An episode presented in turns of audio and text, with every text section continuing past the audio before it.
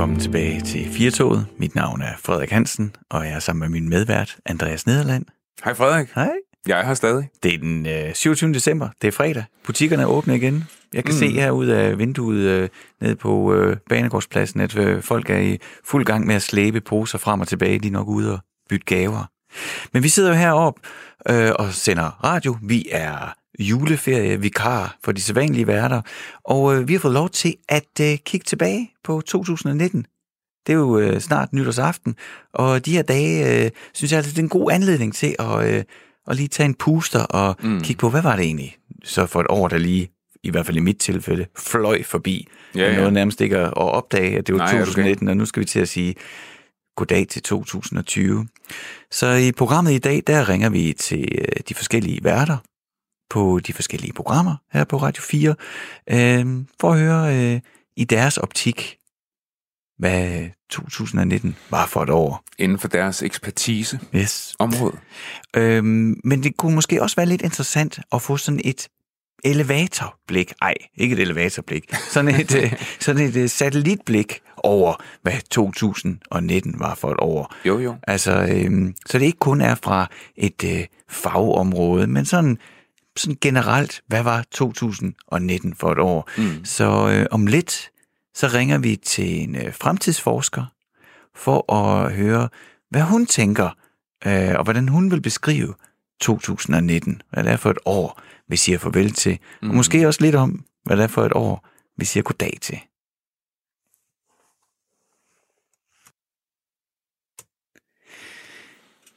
Andreas, Ja, nu har jeg ringet til øh, Anne Skare, det synes jeg, der var en god idé. er fremtidsforsker, og, øh, og så kan man tænke, hvad skal man ringe til en øh, fremtidsforsker øh, for at høre om 2019? Men jeg er ret sikker på, at hun kan perspektivere og gøre os lidt klogere på, hvad 2019 egentlig var for et slags år. Mm. Velkommen til Firtoget, Anne.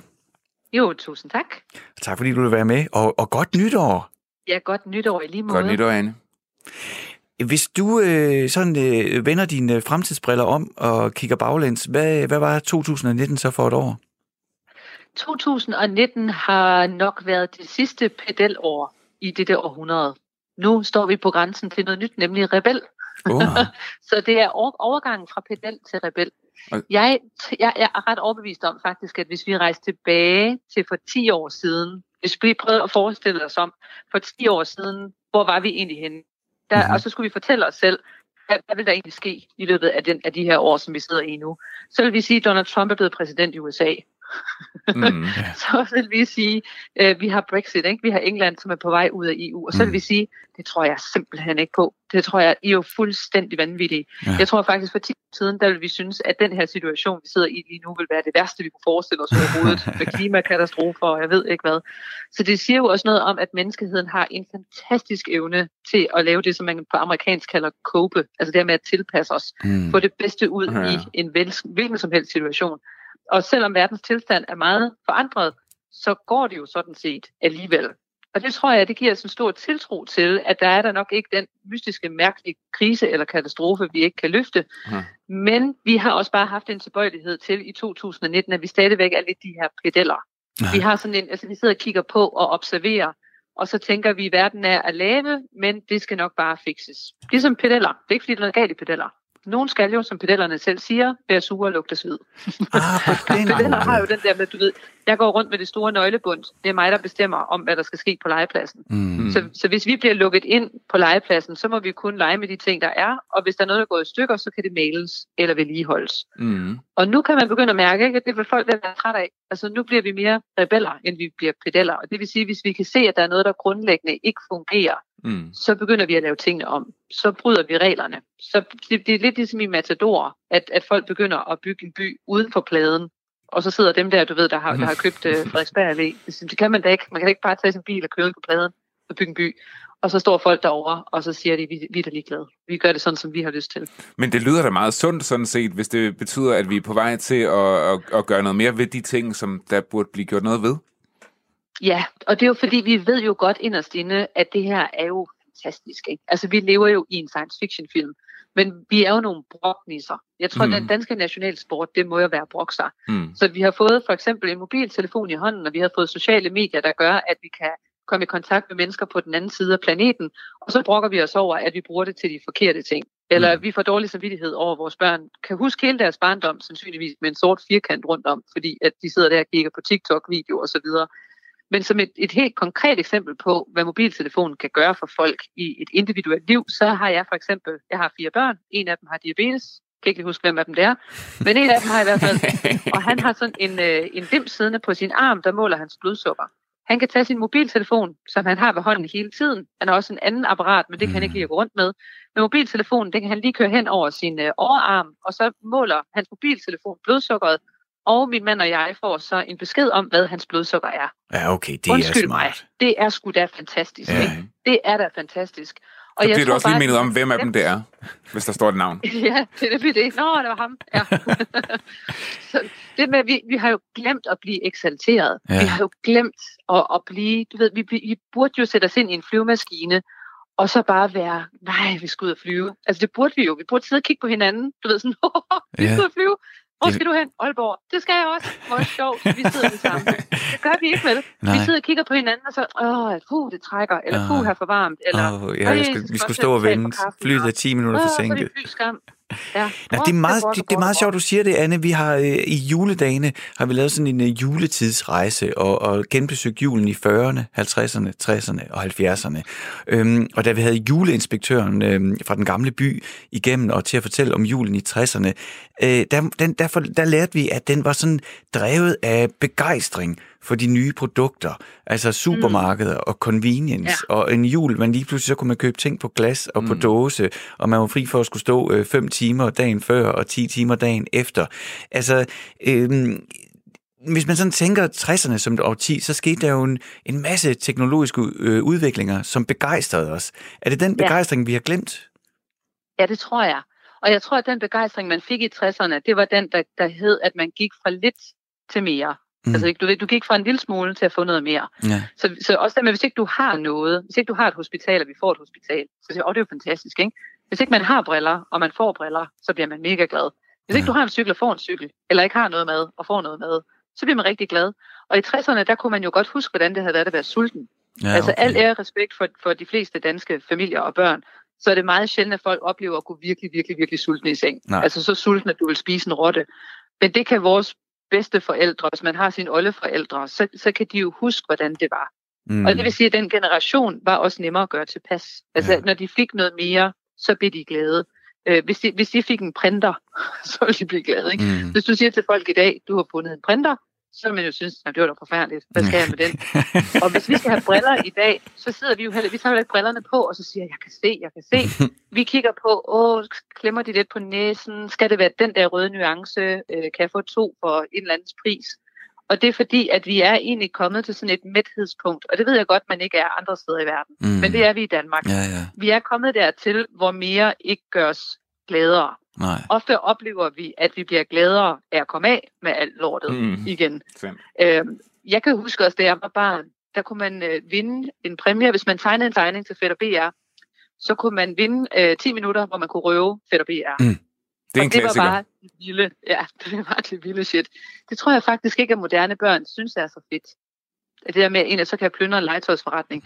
Fordi de er blevet bedre til at kigge på, hvad er det egentlig, der gør mig glad. Og det er det, der hedder fra mere til bedre. Så det er ikke nødvendigvis det, at vi skal forbruge mindre, nødvendigvis. Vi skal bare til at forbruge bedre. Vi skal Ah, til ja. at træffe beslutninger ud fra, hvad gør egentlig mig glad?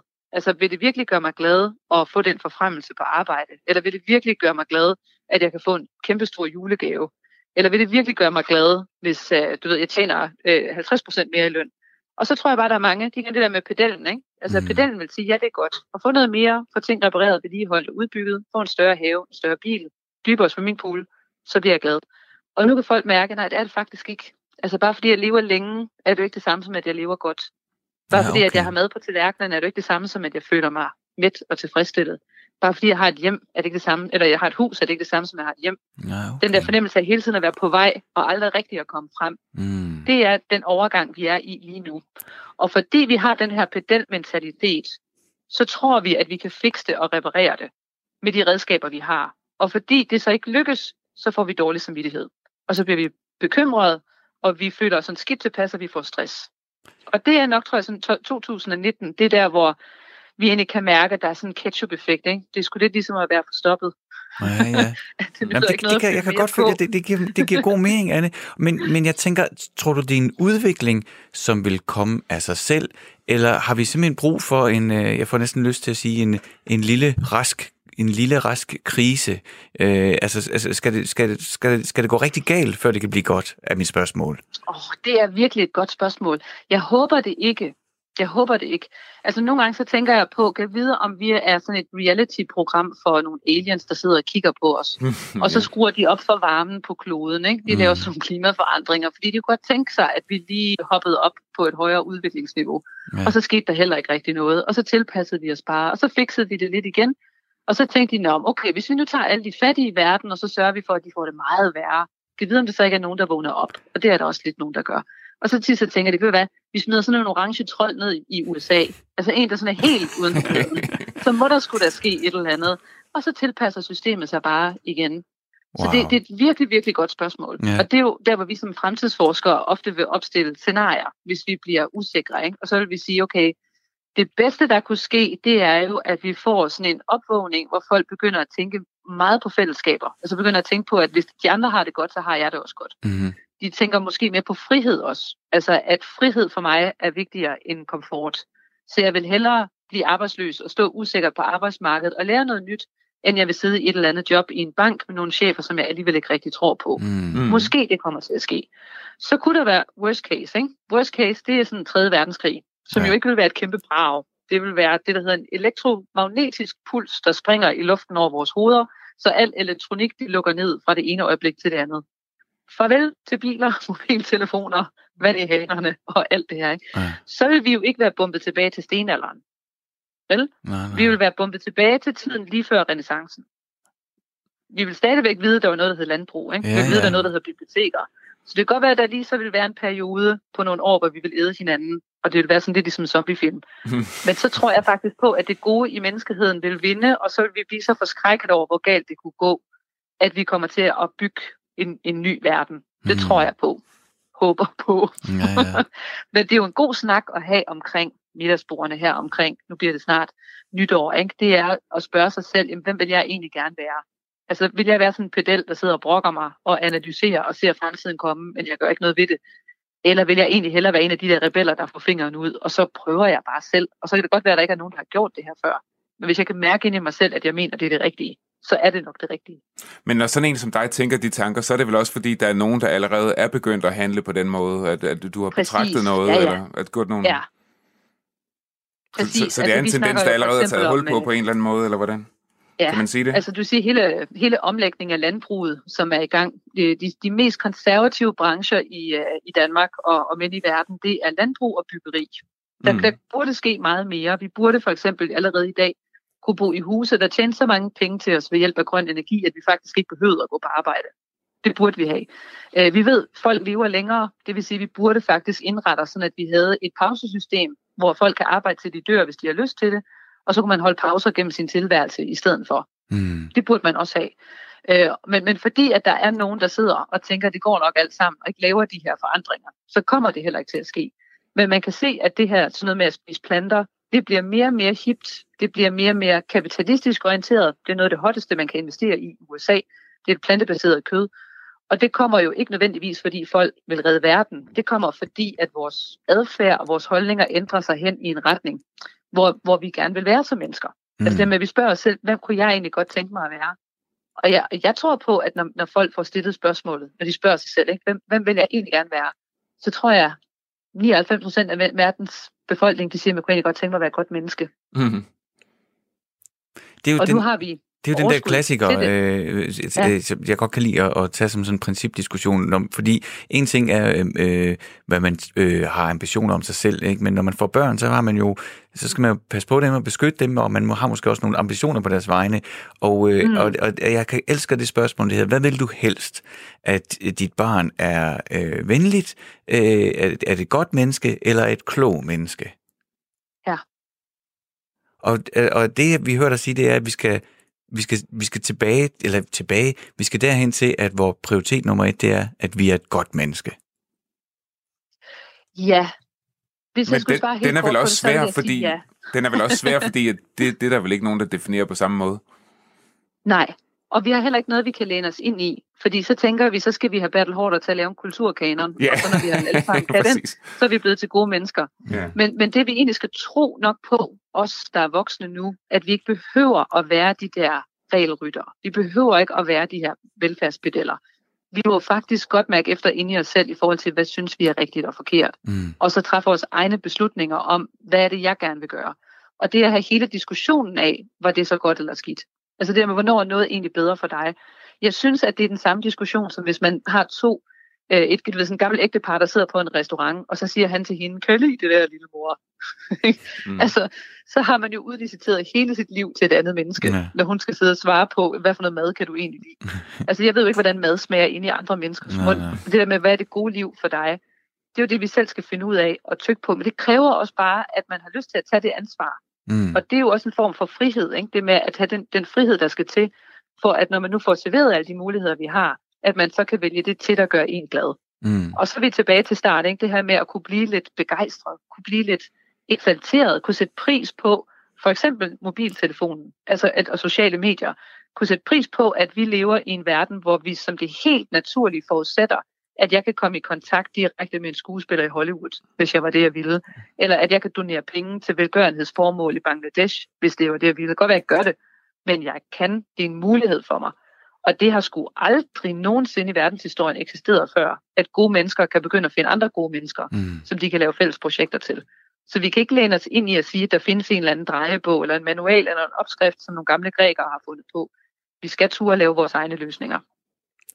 Det synes jeg øh, lyder som et rigtig godt råd. Det lyder som øh, en, øh, en rigtig god ting at tage med sig ind i det nye år. Jeg tror hverken øh, Andreas eller jeg, vi er sådan nogen, der har nytårsfortsætter, men jeg vil alligevel sige, at øh, jeg har i hvert fald lyst til at, øh, at prøve at tvinge mig selv til, ej ikke tvinge mig selv, jeg har lyst til at være mere begejstret. Det er det, jeg vil tage med, Anne.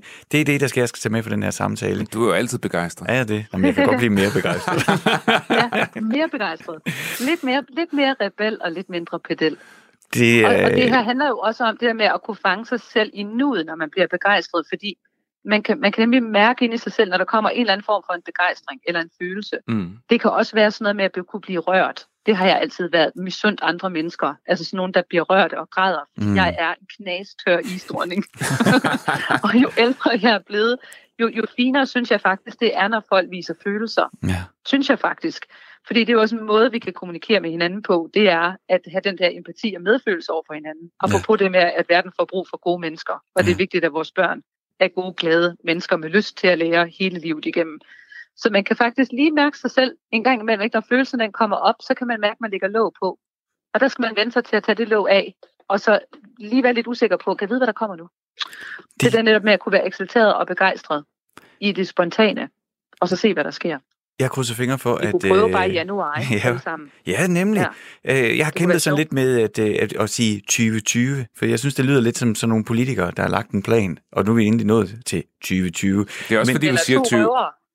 To, Ja. ah. 2020, kunne man sige. Det lyder lidt mindre politikere. Men i hvert fald, øh, Anne Skar, øh, jeg, vil, øh, jeg, vil, jeg vil simpelthen have et øh, nytårsfortsæt. Jeg vil være mere åben, mere empatisk, og så vil jeg være mere begejstret. Tusind tak, fordi at, øh, du hoppede med på øh, Det Firtoget. Og, øh, jeg os lidt om, øh, ja. ja. Skulle hilse fra 2020 og sige, at 2020 elsker dig. Nej, er det rigtigt? Men nu glæder jeg mig allerede. Det var da pænt af 2020. Det var usikker, man er. 2020 elsker dig. Nå, Ja. der kan man bare Det skal, se. det skal blive overskriften. Elsker det også mig? Ja, også dig. Mm, for- Ane, altså. Alle, alle faktisk elsker alle. Nej. okay. Det 2020, dejligt at vide. Det, det, det, det Ja. lyder som det... det Så glæder vi os til at møde det. Jeg er med på 2020. Er det ikke dejligt, at du som udgangspunkt elsker dig? Det er, det er det, vi vil øh, gå øh, væk her fra studiet med i dag. Det er en, en, en grundviden om, at 2020 venter på os, og 2020 elsker os. Anne Skar, tusind tak, fordi du var med i Firtoget, og tusind tak, fordi du gjorde os klogere på 2019. Begejstring, Andreas. Mm. 2020 elsker dig og venter på dig. Mm. med begejstring. Ja, ja. Er du klar til at springe ind i det nye år med begejstring? Altså, jeg synes, da hun pustede, Anne pustede til nogle ting, og der var sådan noget, udover fremtidsforsker, var der lidt sådan noget motivational coach over hende. Mm. Altså, det, hun satte jo gang i nogle, øh, nogle nye tanker, og det var da en inspirerende snak, altså. Og jo, det er da rart at vide, at vi skal ind i et år, som elsker os. Jo. Og altså, altså jeg, jeg kan godt følge, du, altså det der med, med øh, øh, at, at blive inspireret, det er jo egentlig ikke fordi, at vi ikke ved, at vi skal være gode mennesker, eller at man skal være empatisk. Men jeg tror nogle gange, så kan man godt blive lidt malig og glemme det, og have ret høje forventninger til, hvordan alting skal performe, som man også siger på mange arbejdspladser nu. Så jeg kan egentlig godt lide tanken om at prøve at vente lidt om, og så bare være begejstret for alt det, vi har, de små ting, men også at tingene virker. Også selvom togene måske ikke lige går til tiden, så er der mindst et tog, man kan mm. sidde i. Ja, jamen flytte sit fokus en lille smule. Så lad os prøve at... Øh, skal vi bare gå videre med programmet med fuld blæs og begejstring. Mm. Sådan, så var der hul igennem. Jeg har nu ringet til øh, Rasmus Ejernes fra programmet Vildspor her på Radio 4. Velkommen til Firtoget, Rasmus. Tak skal du have. I øh, programmet her i dag er det den 27. december, og vi sidder herinde i studiet og kigger tilbage på 2019, og så har vi ringet rundt til forskellige programmer her på Radio 4 for at høre jeres, øh, jeres værters øh, perspektiv i, i jeres programfelt, i jeres, øh, i jeres speciale, hvordan, øh, hvordan I ser 2019 som, øh, som år. Øh, hvordan har 2019 været fra, fra dit naturperspektiv? Ja, det er et super godt spørgsmål. Altså, Øh, det, er jo, det har jo været et dejligt år, øh, og ikke så usædvanligt som 2018, hvor vi havde den her lange tørke. Øh, og man har kunnet se øh, effekterne af tørken. For eksempel har vi haft et forrygende ukrudtsår. No. Det kan godt være noget, man, man tænker, hvad fanden skal vi med alt det ukrudt? Men altså, lige fra det tidligste forår, så har øh, en plante som rød tvætand øh, blomstret helt overdådigt altså. Og siden da, så er det, så er det fortsat med lyserøde hejrene i, i grøftekanterne og Øh, og, og det er selvfølgelig fordi, at tørken i 2018 skabte en masse plads, øh, øh, fordi den slog græs ihjel, øh, som ellers har stået og, og domineret vegetationen, og pludselig blev der plads til, at de her ukrudtsfrø kunne spire frem, og der kunne komme en masse spændende blomster. Så det var noget af det, der, der virkelig sådan har været opsigtsvækkende. Ah ja. Så, altså, så i en helt anden boldgade, så, øh, så har det været fantastisk at opleve, at naturen har, har nået den politiske dagsorden. Mm-hmm. Så vi har for første gang haft en statsministerkandidat, som allerede under valgkampen meldte ud, at for hende så var et af de vigtigste politiske prioriteter, det var at, at få store, vilde naturområder og urørt skov. Øh, og det kan jeg godt sige, at jeg har fulgt med i nogle årtier i Danmark, og det har vi altså aldrig prøvet før. Okay. Så, øh, så det har været øh, fantastisk. Øh, det er sådan, der kan man sige, at regeringen er faldet lidt af på den. Øh, de har lavet en, øh, en finanslov, som nærmest ikke indeholder noget natur, men, men, øh, men de har lovet, at det kommer i, øh, i den næste finanslov, når de har fået lavet en, en biodiversitetspakke mm-hmm. her i 2020. Så indtil videre, indtil videre har de det mest i, øh, i munden, og vi håber så, at det også bliver til virkelighed ude i naturen. Men Rasmus, jeg, jeg, jeg synes, det er sjovt, fordi egentlig øh, så præmissen for mit spørgsmål er jo lidt fjollet. Ikke? Altså, vi, vi har en, en, en planet her, der er så mange 100 millioner år gammel, og så spørger jeg, hvad var 2019 for et år i naturen? Men alligevel, så, ja. så er der jo rent faktisk noget at sige om 2019. Ja, altså en, en anden ting, øh, øh, som jeg synes, vi stadigvæk også godt kan glæde os lidt over, det er, at vi stadigvæk har ulve i Danmark. Altså, ja. Det, som er sket, ikke, det er at ulven har indvandret efter at have været væk i mere end 100 år fra Danmark og øh, genindvandret. Øh, men det er, det er jo ikke alle, der er lige glade for det. Så mm-hmm. selvom vi har en forpligtelse til at passe på ulven øh, i medfør af habitatdirektivet, så, så er der nogen, der synes, at Danmark er for lille til ulve. Ja. Og, og vi ved jo, der, at det blev filmet, ikke, at en af ulvene blev skudt, og der er flere ulve, der er forsvundet sporløst, så man mm. simpelthen ikke længere kan, kan, kan finde spor fra dem. Men jeg synes, vi skal glæde os over, at det faktisk lykkedes ulvene at, at, at yngle ulveparet ude ved Ulfsborg. Øh, lykkedes, lykkedes dem at yngle igen i 2019. Øh, så vi har stadigvæk ulve i Danmark, øh, og det håber jeg da også, at vi har plads til i, i fremtiden. Men, men Rasmus, du, du starter med, med begejstring og fortæller om, at det var et pragtfuldt ukrudtsår, og nu, ja, nu, ja. nu er du glad for, at vi stadigvæk er ulve. Altså, hvorfor, hvorfor, hvorfor gør det sig så glad, at vi er ukrudt og ulve? Jamen altså, øh, altså jeg repræsenterer jo programmet Vildspor, ikke? Så, så, så øh, her er vi jo helt vilde med den vilde natur, mm. og, øh, og, og, den, og det spænder jo både over, øh, over ukrudtsplanter og, og ulve og, og fugle og padder og krybdyr og snegle og svampe. Og, så der er ikke noget, der egentlig er, er forkert øh, mm. øh, i, vor, i vores øjne. Øh, og det som jo er naturens, hvad kan man sige, ulykke i Danmark, det er, at vi alle vegne har øh, kontrolleret og reguleret og ordnet og kultiveret naturen, så, så, så den ikke rigtig kan sprælle længere. Mm. Så derfor så, øh, og det er nok derfor, jeg lige fremdrog de to eksempler, ikke? fordi at det der ukrudt, der pludselig vælter frem og giver sig til at blomstre sådan helt umotiveret og spontant, øh, og de her ulve, der kommer løbende syd fra Polen og, og Tyskland og, og pludselig slår sig ned igen i Danmark, det er jo sådan, det er sådan et tegn på, at der stadigvæk er noget derude, der spræller. Ikke? Det hele det er ikke dyrkede kornmarker og majsmarker og, og trimmede græsplaner. Mm. Øh, og det gør altså sådan en biolog som mig glad om hjertet. Men 2019 var jo også øh, noget, hvor vi øh, for første gang i den grad fik noget kontrol med naturen. Øh, jeg tænker på, nu siger du vildspor, så tænker jeg på vildsvinehegn. Ja, øh, det er jo øh, det, det er måske en, en, en lidt mere ulykkelig historie. Ikke? Man kan jo spekulere lidt på, om det i virkeligheden er et vildsvinehegn, eller om det er for at, for at dæmpe flygtningeangsten. Øh, mm. Men øh, fordi sådan som jeg har set udførelsen af hegnet, så ser det ud som om vildsvinen egentlig bare kan løbe udenom. øhm, så, så det sgu ikke. Men, men mere alvorligt i forhold til de her vildsvin er jo, at der er en, øh, en stående ordre om, at de skal skydes, hvis man ser dem. Okay. Øh, og det er lidt sørgeligt, at, at, at vi er så lidt rummelige over for den vilde natur, fordi der er jo ingen tvivl om, at vildsvin er en naturligt hjemmehørende art i Danmark, og den vil trives fantastisk i Danmark. Og, øh, og man kan også godt leve sammen med vildsvin. Det gør de i Sverige og Tyskland og Polen. Der er sågar vildsvin inde midt i Berlin, øh, som render rundt øh, i, i Berlins parker og roder i jorden. Er det rigtigt? Øh, ja, det er helt vildt. Så, så det kunne vi sagtens, øh, hvis vi var en lille smule mere tolerante. Og jeg er godt klar over, at det er beskyttelsen af, af landbruget mod øh, svinepest. Det sidste, jeg har hørt, er faktisk, at der er blevet, det ser ud til, at der er en vaccine på vej mod svinepest. Og, og hvis nu den virker, så er der faktisk ikke rigtig længere nogen gode begrundelser for ikke at give plads til vildsvin i den danske ah. natur. Nu, nu øh, vi har talt om uh, ulve og ukrudt, og at uh, naturen er kommet på den uh, politiske dagsorden. Det er den vel også uh, helt på, på den internationale scene, ikke kun i Danmark? Ja, det er den. Men, øh, men vi halter lidt bagefter. Ikke? Altså Danmark er jo et land, hvor lige præcis på biodiversitetsområdet, ville det være meningsfuldt, at vi ansøgte om noget ulandsbistand fra Botswana øh, og, og Sydafrika og andre lande, som faktisk godt kan finde ud af at, at sameksistere med naturen, også selvom den kan være farlig nogle gange. Ikke?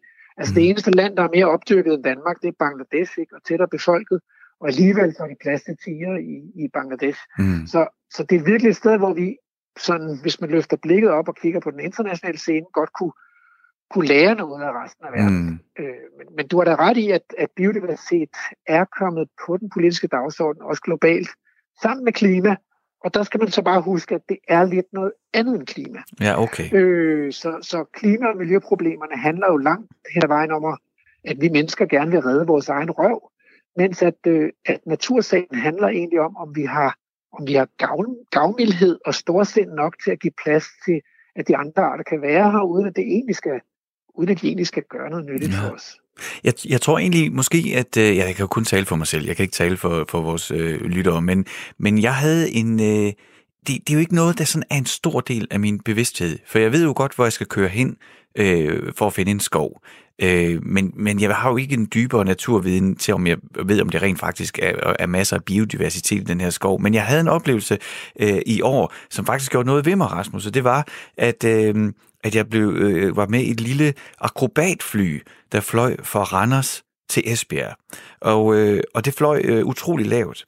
Øhm, og det, som jeg lærte, og som jeg selvfølgelig sikkert også vidste, men jeg bare ikke sådan havde en bevidsthed om, det var, at den flyvetur fra Randers til Esbjerg, der så jeg næsten ikke andet end dyrkede marker. Nej, præcis. Og, det, og jeg, jeg har haft den samme oplevelse faktisk med mine, mine halvvoksne døtre, øh, som har været i Nordspanien og gået rundt i bjergene, og vi havde set gribe, og så kom vi flyvende hjem, og, og indflyvningen til, til Bilund Lufthavn, og, og, det, og, og de kiggede ned, ikke, og, øh, og min mellemste datter udbrød, ej, hvor er det kedeligt, altså det der mm. skakternede, intensivt opdyrket land, land, landskab, der er jo ikke noget natur. Og det er meget godt at minde sig selv om, ikke? fordi vi biologer har det jo med at køre fra den ene fantastiske naturlokalitet til den anden. Øhm, men det er meget godt at minde sig selv om, at der er så altså ret langt imellem dem, ikke? Og, og, øh, og det meste er virkelig intensivt dyrket og kontrolleret. Mm. Så, så på det, i det lys, så håber jeg, at Mette Frederiksen, hun, øh, hun kommer til at gøre alvor af, af sine visioner, og faktisk skabe noget mere plads til, til vild natur og urørte skove i, i Danmark. Det kunne vi godt bruge. Rasmus Ejernes, vært på programmet Vildspor. Tusind tak, fordi du vil være med her i Firtoget og fortælle lidt om naturen i 2019. Det var en fornøjelse. Og rigtig godt nytår.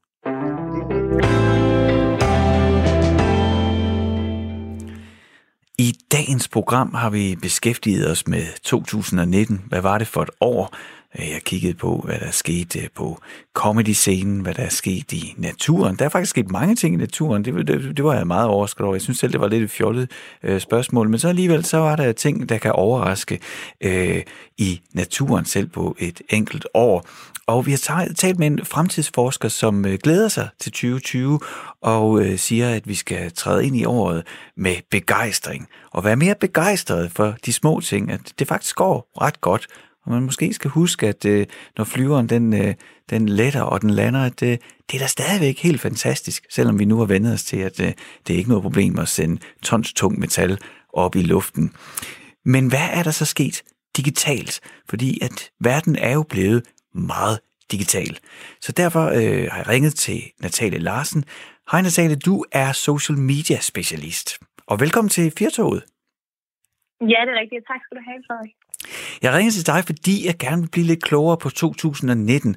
Og hvis man skal se 2019 gennem digitale briller, hvordan vil du øh, så øh, definere det år? Åha, altså en meget god indikation på, hvad der har øh, beskæftiget danskerne i 2019, det er jo, øh, hvis man tager et blik på, øh, hvad vi googler, og oh, ja. øh, hvad vi bruger vores tid på på, på nettet. Og for nylig er, øh, har Google nemlig lanceret denne her øh, rapport over, hvad vi har søgt på. Ah, ja. øhm, Ja, og noget af det, der er lidt sjovt, det er jo selvfølgelig det her med, at vi har jo haft et valg i 2019. Det mm. har jo også bredt engageret folk. Øh, man har spurgt, hvad skal jeg stemme på? Mm. Øh, og så videre. Øh, men også det her med, at vi jo faktisk øh, slakker lidt i forhold til, øh, hvad vi skal bruge vores tid på. Vi vil rigtig gerne effektivisere og ikke bruge for lang tid på øh, podcast og serier og film, som ikke er gode, så derfor har vi også søgt på, øh, hvad skal jeg lytte til, og hvad skal jeg se på Netflix. Okay. Øhm, og det synes jeg jo som, som, som digital og social medie og i det hele taget medieinteresseret er lidt spændende, ikke? fordi øhm, vi, vi gider simpelthen ikke at kede os. Øh, vi vil gerne have noget, som andre har anbefalet, øhm, og, og sådan vi ikke bare bruger sådan tiden på hvad som helst. Nej, men det kan jeg jo, det kan mm-hmm. jo mhm. godt relatere til, ikke? fordi der er meget. Altså, der var en gang, hvor jeg synes, at øh, jeg havde meget godt styr på, hvad det var for nogle film, man skulle se, og, øh, og hvad det var for nogle serier, der var ved at følge. Men, men, men jeg jo altså det kan jo slet ikke mere. Altså, jeg kan slet ikke følge med. Nej. Øh, og alle, nej. lige pludselig taler nogen om, har du set Handmaid's Tale? Har du set den? Og så, nej, nej, nej. Og jeg, jeg, til sidst så panikkede jeg så meget over det, at jeg, jeg fandt øh, gode gamle The Wire frem og genså den, og sådan bare, nej, jeg kan ikke følge med mere. Nej, så er vi nødt til at kigge tilbage. Ja, og finde noget, som så kan du, ah, det kender jeg, det der ja. styr på. Så kan, så kan jeg bare sige, at jeg er ligeglad for The Wire er den bedste af alle. Men altså, jeg kan, jeg kan jo godt, jeg kan godt identificere mig med, at der er så meget indhold, og vi også vender os mm. til, at der er så meget godt indhold, at man har brug for hjælp til at finde det bedste.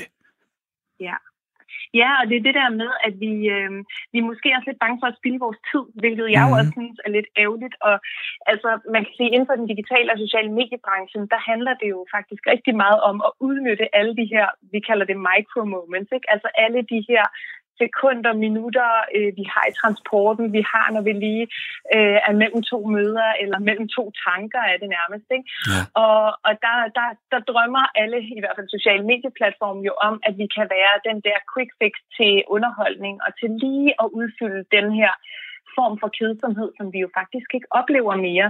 Øhm, og det er måske en lille smule ærgerligt, at vi ikke lige... Øh, altså tager os den tid, bare lige kigge ud i luften øh, og ikke forholder os til noget, øh, i stedet for sådan set bare at fylde, det, fylde tiden ud med noget, som nogen har anbefalet, og nu skal jeg også huske at se den serie, eller den dokumentar, eller hvad det nu kunne være. Ikke? Ja.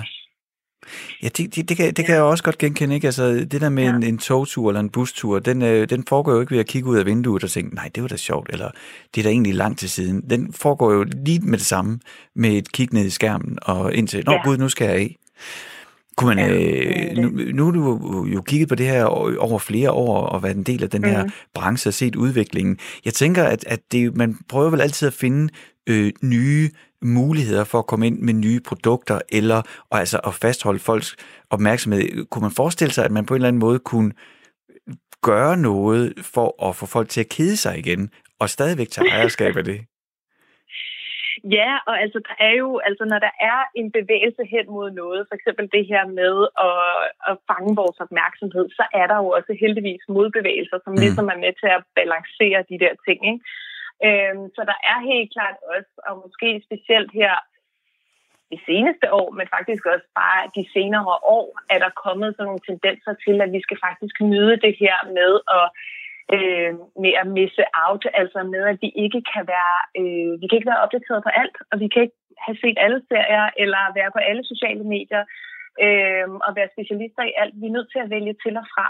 Mm. Og det ser jeg også helt klart som en generelt på social mediebanen, øh, altså at Øhm, det handler om nogle gange også at kunne, kunne sige, der er jeg ikke på, og, og faktisk stå ved det, og så vælge noget andet til, selvfølgelig. Ikke? Mm. Øh, så, så helt klart, det der med at tabe ud, er også blevet en ting, og slukke telefonen, og ikke tage den med ind i soveværelset, og, og netop også bare øh, lukke computeren, når du kommer hjem, eller ikke efter 21. Det her med, at vi også forsøger at få de her regler øh, indført for os selv og for vores familie, for at vi netop, øh, altså, at vi tager magten over vores digitale og sociale medieforbrug, ikke? Altså, at det ikke er platformene og de her devices, øh, som styrer os, men at vi faktisk styrer dem. Det kan, det kan jeg også godt genkende, Natalie, fordi at øh, jeg har en datter, hun er 10 år, og, og hun har en, øh, en smartphone. Øhm, og da hun fik den, øh, altså, jeg, jeg, jeg tror så meget på, at øh, børn skal, skal have tryghed under frie rammer. Øh, så, mm. så vi, vi taler jo selvfølgelig om, hvad, hvad, hvad hun laver, hvad hun beskæftiger sig med, men ellers så er det jo hendes device og hendes øh, tilgang til øh, online-verdenen. Øh, men øh, man kan jo se de her statistikker øh, på telefonerne over, hvor meget de er brugt. Yeah. Øh, og dem gik jeg ind og, og kiggede på øh, sammen med min datter, vi gik, og, og der fik hun faktisk selv et chok. Øh, og, og synes, at oh, det synes hun faktisk ikke var så fedt, at hun brugte så mange timer på det og det og det. Og det er selvfølgelig også mit ansvar som forælder, det ved jeg godt, men, men det var egentlig en meget fin snak, vi havde, og der bad hun mig om om vi ikke kunne lave sådan en familiestyring. Så det har vi nu. Altså, øh, du ved, nu har hun øh, allokeret øh, minutter til forskellige apps, og så lukker de simpelthen ned for dagen. Og så kan hun lige, hvis hun er midt i noget, eller sådan, så kan hun spørge, øh, så kan hun lave sådan en forspørgsel på at få forlænget. Men ellers så holder hun sig inden for de rammer.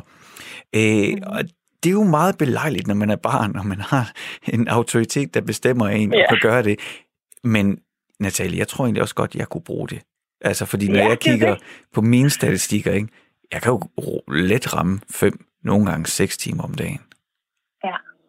Ja, og det går jo amok, hvis vi ikke øh, er vores egen små politibetjente på en mm. eller anden mm. måde.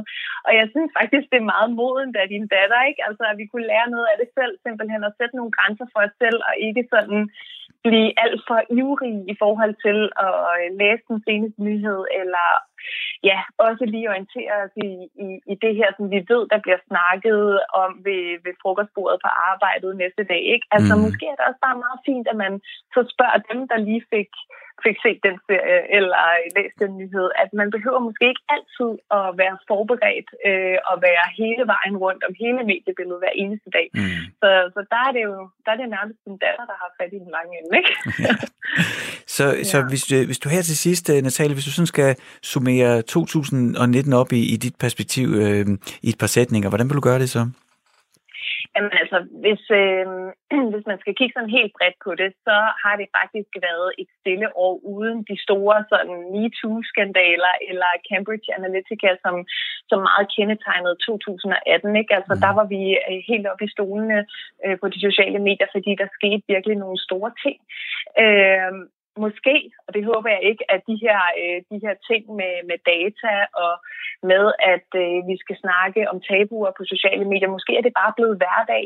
Øh, altså, det, det kunne man i hvert fald sige på sådan en, en lidt negativ effekt af det. Ikke? Vi er vant til at se de her skandaler hele tiden øh, efterhånden. Øh, men det betyder jo ikke, at vi ikke bruger sociale medier til netop at, at tale om det og tale rundt om sådan nogle ting, hvilket er øh, ekstremt vigtigt. Mm. Øh, så der, der, har været, der har været, det har været et stille år, øh, men, men på den anden side, så øh, kommer der nye platforme frem. Øh, og, og, og vi, ja, vi, vi bruger stadig og i endnu højere grad øh, sociale og digitale medier, øh, ja, som, øh, som, som aldrig før, kan man mm. sige. Natalie Larsen, øh, sociale medier specialist. Tusind tak, fordi du var med i Firtoget her, og fordi du gjorde os lidt klogere på, hvad 2019 var for et år i et digitalt perspektiv. Selv tak. Ja, Det er i dag, at øh, vi kigger tilbage på 2019. Hvad skete der i 2019? Og vi kigger igennem programmerne på Radio 4. Øh, og øh, en af mine yndlingsprogrammer på Radio 4, det er Tysklands magasinet Genau med verden Thomas Schumann. Så Thomas, jeg ringer til dig for at, øh, ja, for det første sige velkommen til Firtoget. Ja, goddag. Eller guten Tag. Og ja, guten Tag. Det er, hvad man skal sige. Schönen guten Tag. Øh, guten Tag. Øh, altså, jeg er, jo, øh, jeg er jo ret begejstret for dit program, og er ret begejstret for Tyskland. Øh, jeg er jo en af dem, øh, som... Øh, som godt kan lide at tage en tur til Berlin, eller Hamburg, eller München, for den sags skyld, og, øh, og kan mærke, at når jeg er i Tyskland, at det, det er som om, at kulturen, den, er, øh, den står lidt på lidt tungere granit, kan du genkende, hvad jeg mener? Ja, det kan jeg for så vidt godt. Altså, altså jeg har det sådan, når jeg selv tager til Berlin, så synes jeg jo, altså jeg synes jo særligt, det er historien, man kan mærke, der ligesom mm. er løbet igennem øh, Berlin der. Det er som om hjertet af, af europæisk historie, i hvert fald nyere europæisk historie, det, det, det er ligesom udspillet sig i Berlin. Der er rigtig mange øh, ting, der, der er foregået der. Det synes jeg, det kan man, det kan man godt mærke. Jeg har det altid sådan med, med andre tyske storbyer, øh, sådan noget som Hamburg og Dresden og sådan noget, der har jeg det, der har jeg det lidt svært på den måde, at der er så meget, der er gået tabt, kan man sige, mm. af de der bygninger, det historiske centre og sådan noget. Omvendt så er jeg helt fascineret af, af det, som også står tilbage, hvis du tager til Køln for eksempel og ser Domkirken. Der ja. er, det er vist nok uh, Europas største, hvad kalder man det, uh, nu kan jeg ikke huske, gotiske, gotiske mm. er navnet, uh, gotiske domkirke, uh, og den er jo helt helt exceptionelt. Den er fantastisk flot, og øh, det er også en ja. øh, god motionstur, hvis man øh, tager trapperne op i toppen. Ja, nå, det har du prøvet. Ja, det har jeg prøvet. Jamen, ja, øh, okay. ja, det, har, det har jeg ikke prøvet endnu selv. Nej, men det, øh, øh, gangene bliver smallere og smallere, og man skal koordinere, hvem der skal op og ned.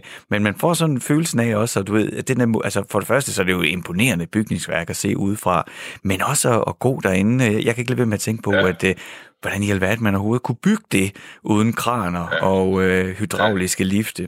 Det er meget imponerende. Nå, men det er også ment lidt der med kulturens granit, det er jo nu, øh, at det den øh, 27. december, vi lige har fejret jul her i Danmark, og, og man må nok, altså de mange af vores juletraditioner og julesalmer, kommer jo i virkeligheden fra Tyskland. Og det er lidt den følelse, jeg godt kan mærke, når jeg er i Tyskland, at øh, jamen altså, øh, de, de store tænkere, og at, der, at der er meget, der udspringer af Tyskland, som, mm. som vi øh, har bare har taget til os. Og mange af tingene kalder vi jo for dansk jul, men det er jo i virkeligheden tysk. Ja, man kan sige, at juletræet er et godt eksempel, ikke? Det mm. kommer jo fra Tyskland. Lige præcis. Øh, tænker jeg umiddelbart, ja. Jamen, det gør det. Øh, ja, og der er jo vist også nogle af julesangene, som, som går igen, uden jeg lige helt kan huske. Nej, men det, men det er der. der. Der er jo en masse af de ja. ting, som, som, som jo helt naturligt udsprang, fordi at der skete så mange ting der. Der var sådan en stor koncentration også af, af rigdom, og, øh, og som, som vi så har taget til os. Nå, men, men det er ikke det, vi skal snakke om. Jo, vi skal snakke om Tyskland, Thomas, men øh, jeg er jo sådan lidt nysgerrig at høre øh, igennem dit perspektiv og dit program øh, Genau her på Radio 4. Hvordan, er du, øh, hvordan, øh, hvordan kigger du så på, på Tysklands året 2019? Ja, nu kom vi jo ret sent, kan man sige, ind i året med Genau, men mm. altså noget af det, som jeg synes, man allerede nu kan fornemme som et tema, øh, i forhold til, hvad der er sket i løbet af året i Tyskland, det er sådan en nedgang for de store partier.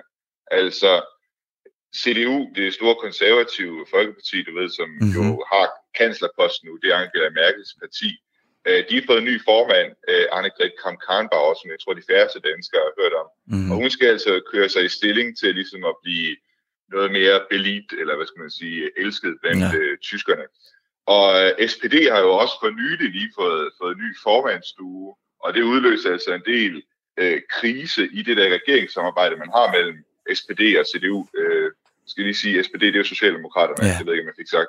Men altså, de, øh, de tilhører sådan den, skal man sige, venstrefløjen i partiet, og har egentlig kritiseret regeringsarbejdet og så måske egentlig helst, at, at man trådte ud. Men nu vil de så forhandle med, med regeringspartneren CDU. Mm-hmm. Øh, men hvis man ser på de mange, altså der har været en del valg i øh, de tyske delstater her hen over året, i Thüringen, i Sachsen og i Brandenburg, og øh, ved nærmest alle de valg, altså der, der er de gamle partier, de er gået tilbage, øh, og partier som De Grønne og øh, Alternative for Deutschland, øh, de er jo gået frem. Mm-hmm. Så der er, der er sådan en, en krise, der udspiller sig i den, hvis man siger, den politiske midte i Tyskland. Det synes jeg godt, man kan sige, er, er meget sådan kendetegnende for det her år. Og man kan også se det på Merkel. Hun er jo ikke, hun er jo ikke den superstar, som hun har været mm. i, øh, i europæisk politik. Hun er jo nærmest blevet helt usynlig.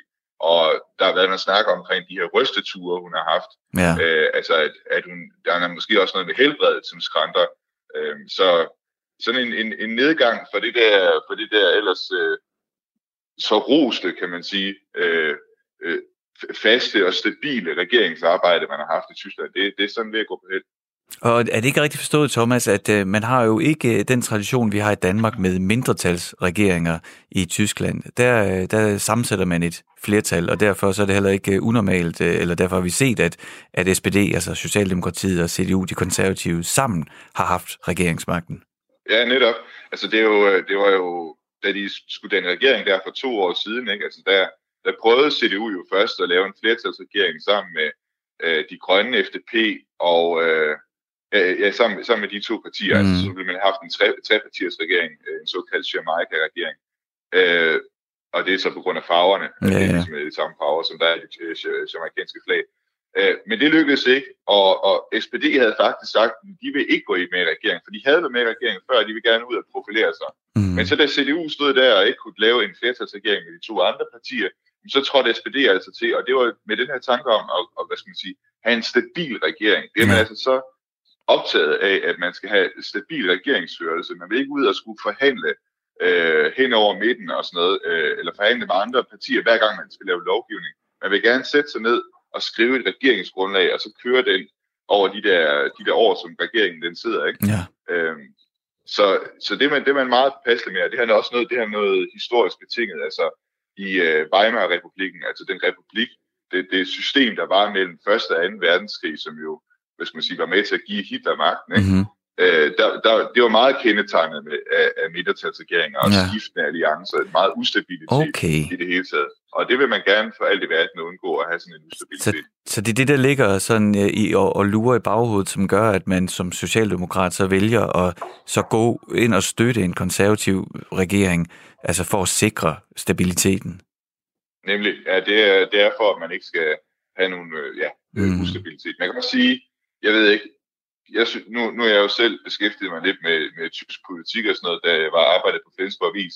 Og jeg synes ikke, man mærker sådan den der form for, øh, måske kan man kalde det tillid, eller sådan kammeratlighed, der kan være mellem partier af forskellige overbevisninger i det danske folketing, for mm. eksempel. Mm. Øh, der, kan, der, der kan man jo sådan få fornemmelse af, at de kan være gode venner ja. øh, hen over den politiske midte, ikke? Ja, Hvor at man i Tyskland, der, i, i Tyskland der er man meget mere øh, øh, konfrontatorisk eller meget mere uvenner. Altså man går ikke og hænger ud på det okay. måde sammen med, sammen med partimodstanderne.